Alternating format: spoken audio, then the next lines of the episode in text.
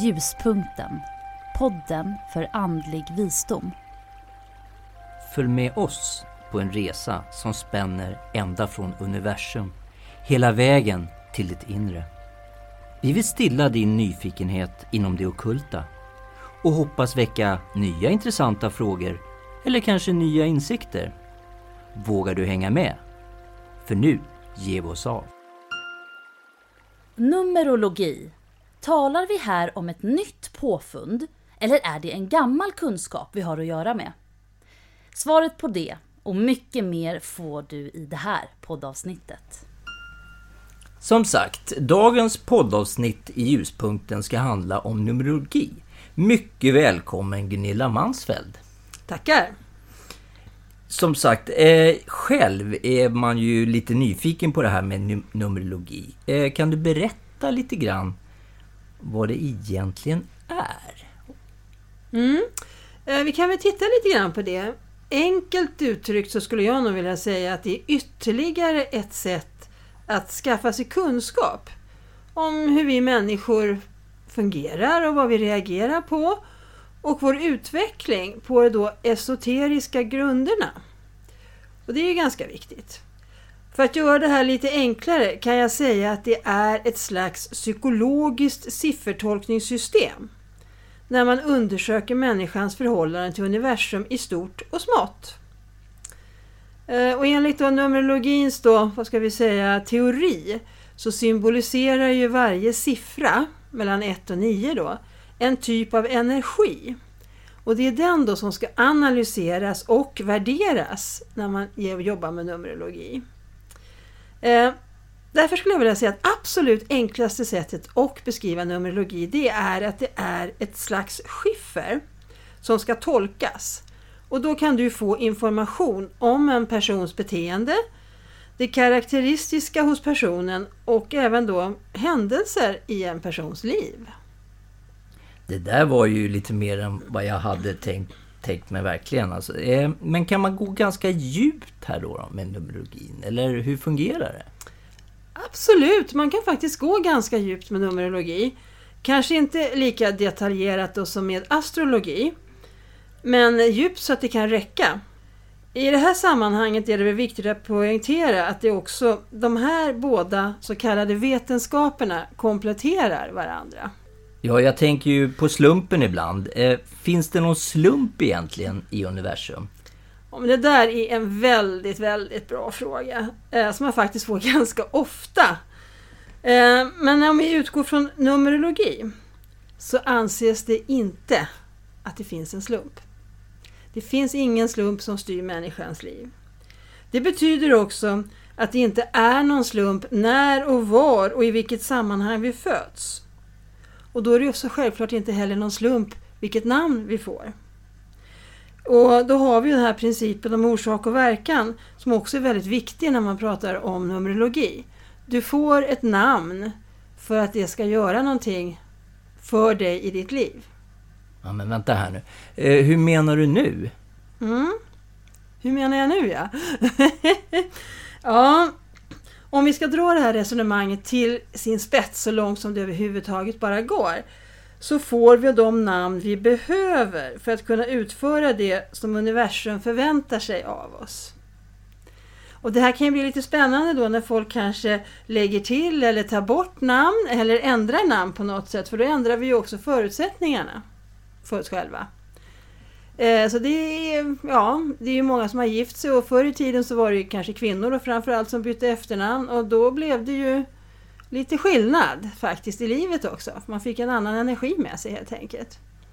Så att ehm, kan man ju tänka sig då för våra föräldrar, ehm, hur fick de då för sig att ge sig våra namn? Ja, det där är ju en fråga vi kan debattera. Eh, vem bestämmer våra namn egentligen?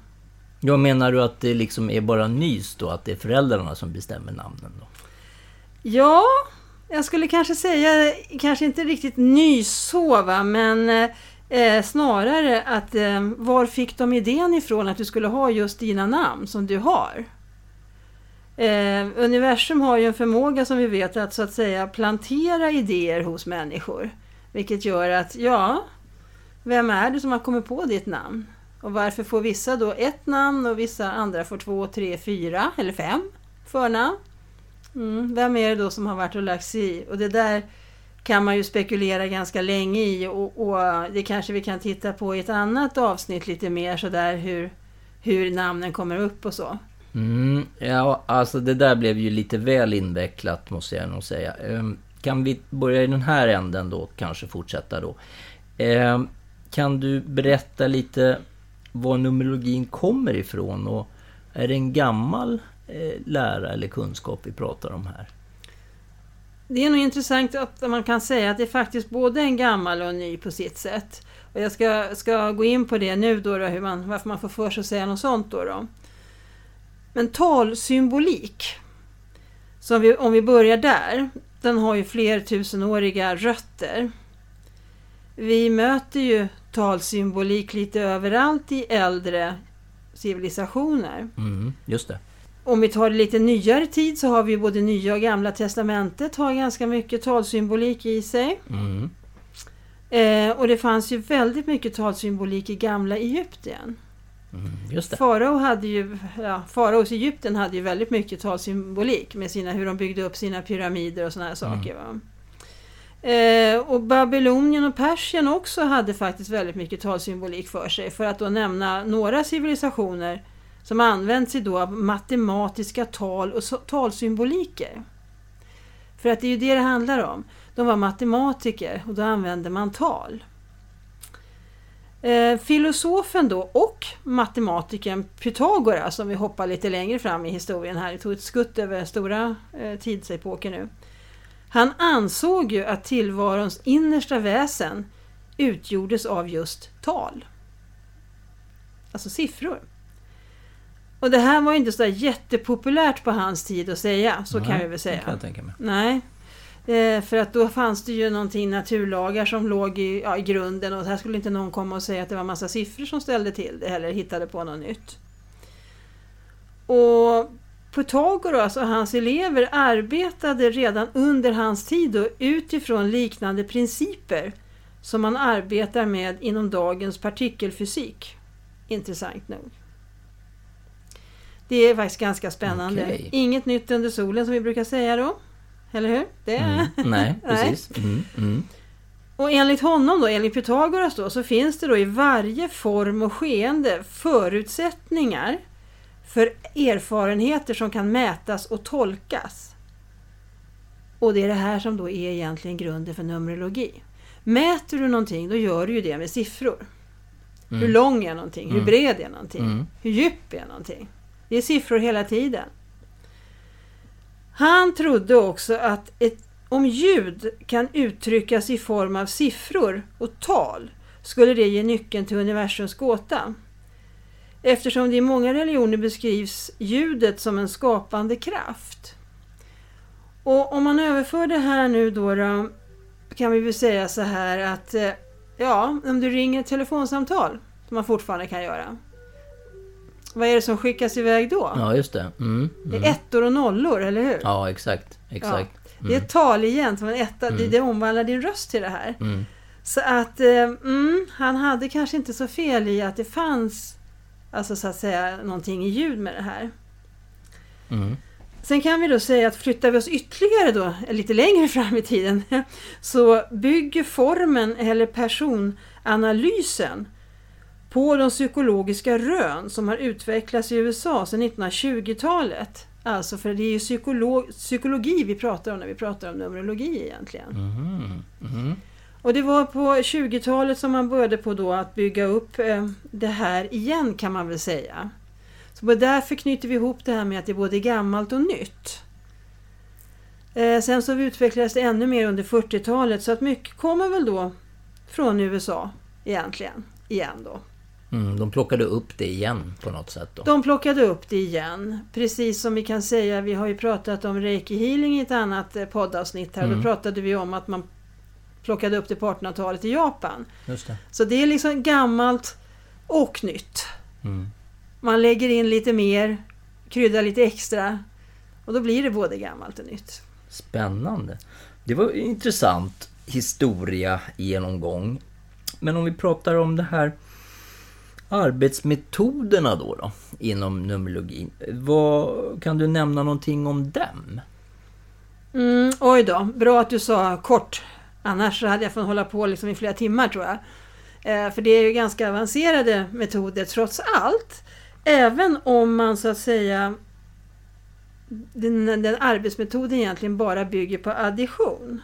Alltså enkla matematiska beräkningar förstås då. Eh, så det enklaste det är ju då att räkna ut dina siffror. Det är ju ganska enkelt. Men också på psykologiska tolkningsformer i, eh, vilka då grundas som metafysiska symboler. Där blev det genast lite krångligare, eller hur? Men grunden är att du lägger ihop och att du drar bort, höll jag på att säga. Men vanlig, vanliga personnummer, om man säger personnumerologi, baseras på ental. Alltså då siffran 1 till 9. Och det finns givetvis också ett eh, utvecklingsmönster där siffran 1 symboliserar starten och de högre talen eh, ja, bidrar med eh, vad ska vi säga, livsprocessens mer komplicerade sidor. Och här kan man då se en direkt blinkning kanske till astrologin. När man ställer ett horoskop så visar ju hus 1 då utseendet och det första man märker. Precis. Och sen så de andra, de har ju lite fler då, de har ju 11 hus till då, då men då får du ju också en livsprocess mer alltså, noggrant man går in på helt enkelt. Så att man ser att det, finns, det nuddar varandra. Mm. Och kanske inte så konstigt om vi tänker oss att både numerologi och astrologi kommer egentligen då från Babylonien. Troligtvis kanske ännu längre tillbaka. Mm. Och vilka har de tagit ifrån? Ja. Exakt, vilka mm. har de tagit mm. ifrån? Precis. Så att de tangerar varann. Och ibland så är den ena mer djuplodande än den andra. Och vice versa. Mm. Eh, men rent arbetsprocessmässigt så börjar man ju med sina siffror då. Och lägger ihop dem och olika siffror står för olika bokstäver och så. Du nämnde metafysik mm. här. Eh, det kanske inte är klart för, ja inte för mig till exempel. Vad, vad är du inne på då? Vad menar du med det? Ja du, metafysik det är ett ganska stort område. Eh, som täcker in väldigt mycket. Och jag får försöka hålla det kort i den här podden då, för annars skulle vi kanske sitta kvar tills imorgon bitti och prata om det här. Det kan ju vara kul i sig, i och för sig. Exakt, det skulle säkert kunna vara det. Men eh, nu har vi inte poddtid för så lång tid tror jag. eh, metafysik handlar ju i grunden om sånt som vi inte kan uppfatta med våra sinnen. Alltså våra fem sinnen. Och då pratar vi om det som finns bak, bortom det fysiska. Ibland pratar vi om det sjätte sinnet och det skulle vi kanske då kunna uppfatta det här. Men de fem sin, andra sinnena det är ju tid och rum och sådana saker vi pratar om och det, det är inte metafysik på det sättet, nej. Eh, och det här metafysiken handlar också om vad som finns. Och hur det hänger ihop. Och med vadet här så menar de ju, vad finns egentligen i universum? Är det som religionerna säger att det finns en gudom där? Eller liksom är det tomt? Eller ja, det försöker då metafysikerna sätta ord på och hitta. Och det är nog kanske inte så lätt alla gånger skulle jag kunna tänka mig. Eh, men de har ju också antaganden som då är svåra att bevisa. Om du tittar på vetenskap så har man ju oftast att man har gjort olika tester och så kan man härleda en tes till någonting. Att det här beror på det här som mm. beror på det här. Yeah. Det kan man inte göra här. Nej. Eller hur? För att om man skulle anse då som exempel att det finns en, någonting som styr i universum, hur bevisar vi det? Mm. Du kan inte plocka ner det och titta i ett mikroskop eller mäta så här stor är den här eller liksom så här mycket väger den eller någonting sånt. Eller är det meningen att man ska göra det? Nej, det kanske inte ens en gång är meningen. Men, men det är det som är lite problemet då med metafysiken då.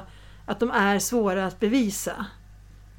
Eh, det Ja, vi kan ju säga också att metafysiska frågor handlar om en helhet. Mm. Om vi tänker i hela universum. Men som vetenskapsman så kanske man, eh, ja, man intresserar sig kanske för solsystemet eller man vill se hur en blomma blir till eller man, liksom titt man tittar lite mer på detaljerna skulle man kanske lite väldigt enkelt förklara det här på. Mm. Mm. Så att säga. Så att det är väldigt kort, om jag säger så, hur vad metafysik är egentligen. Jag har en känsla av att det finns massor med folk som kan förklara det här bättre än vad jag kan. Men, men eh, det är i alla fall lite kort vad det här betyder. Mm, tack. Eh, vi har ju pratat nu lite grann i stort skulle jag vilja säga om numerologi. Men, men som du sagt, du sa ju att det handlar om tal och siffror. Vad betyder de här siffrorna då egentligen? Mm. Det är ju det som är det intressanta här nu då, då. Från början så är det ju så att de har ju ett symbolvärde och ett energivärde. Alltså en etta har en typ av energi, en femma har en annan typ av energi då, och en ni, nia har ytterligare en annan typ av energi. Okej. Mm. Och eftersom vi nu bara har då nio siffror i grunden att spela med så förstår man ju att det inte finns enkla beskrivningar för varje siffra. Utan det rör sig om stora begreppsformer eh, som man kanske inte ska gå in på här egentligen och nu för att det är nästan som man får ha en kurs om, om det i sådana fall. Eh, men jag ska väl också säga här att det finns ju några stycken dubbelsiffror och de är ju då har ju ett mer värde än enkelsiffra, till exempel 11 och 12. De väger lite tyngre.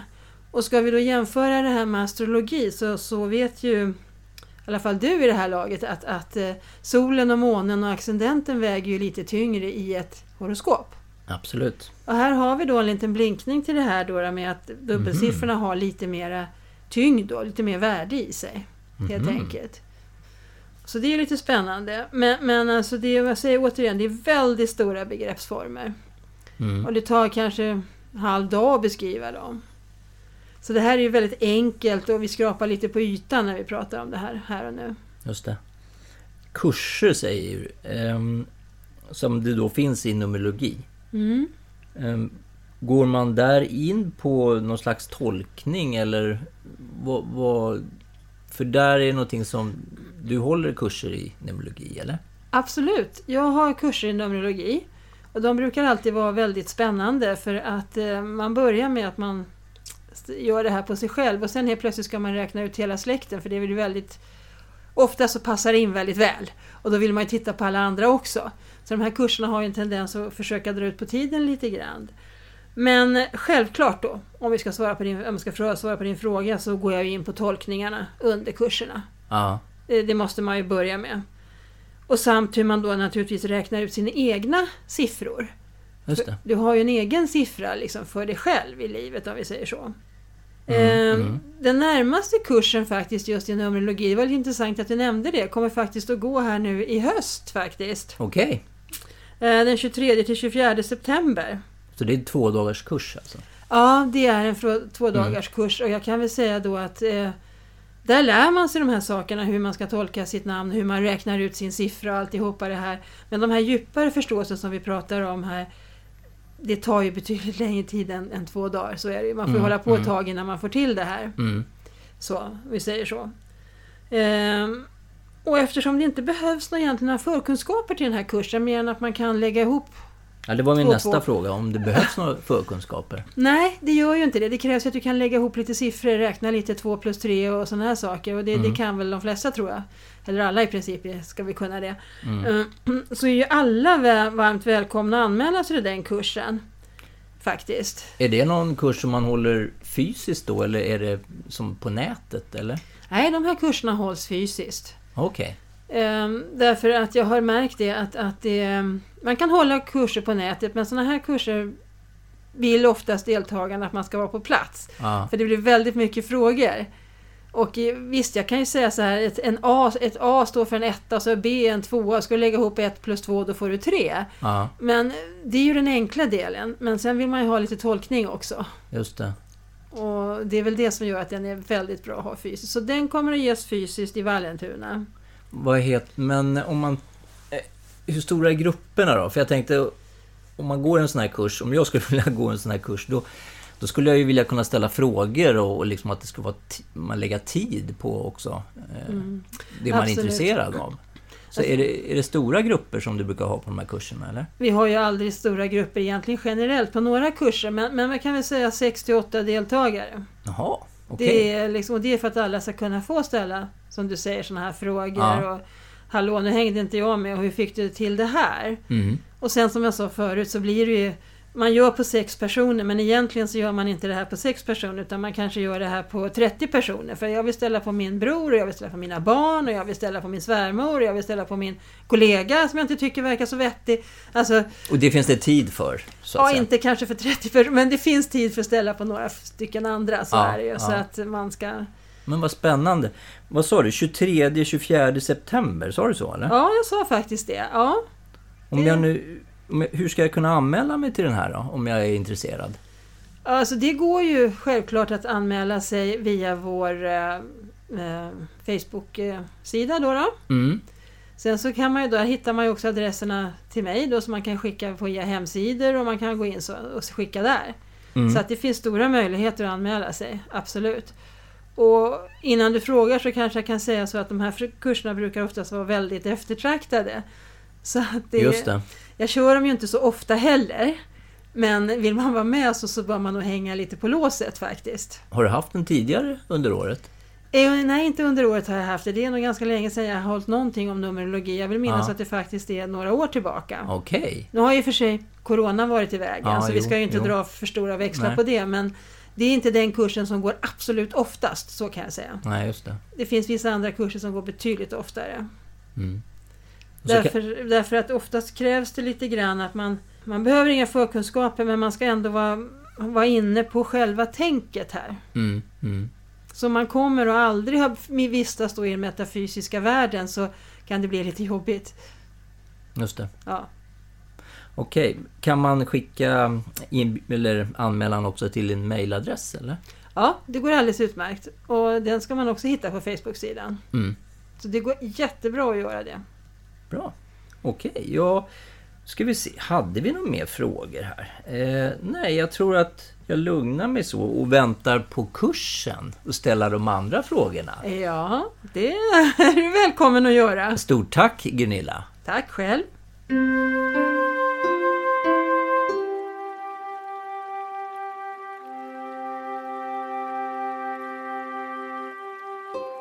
Ljuspunkten. Podden för andlig visdom.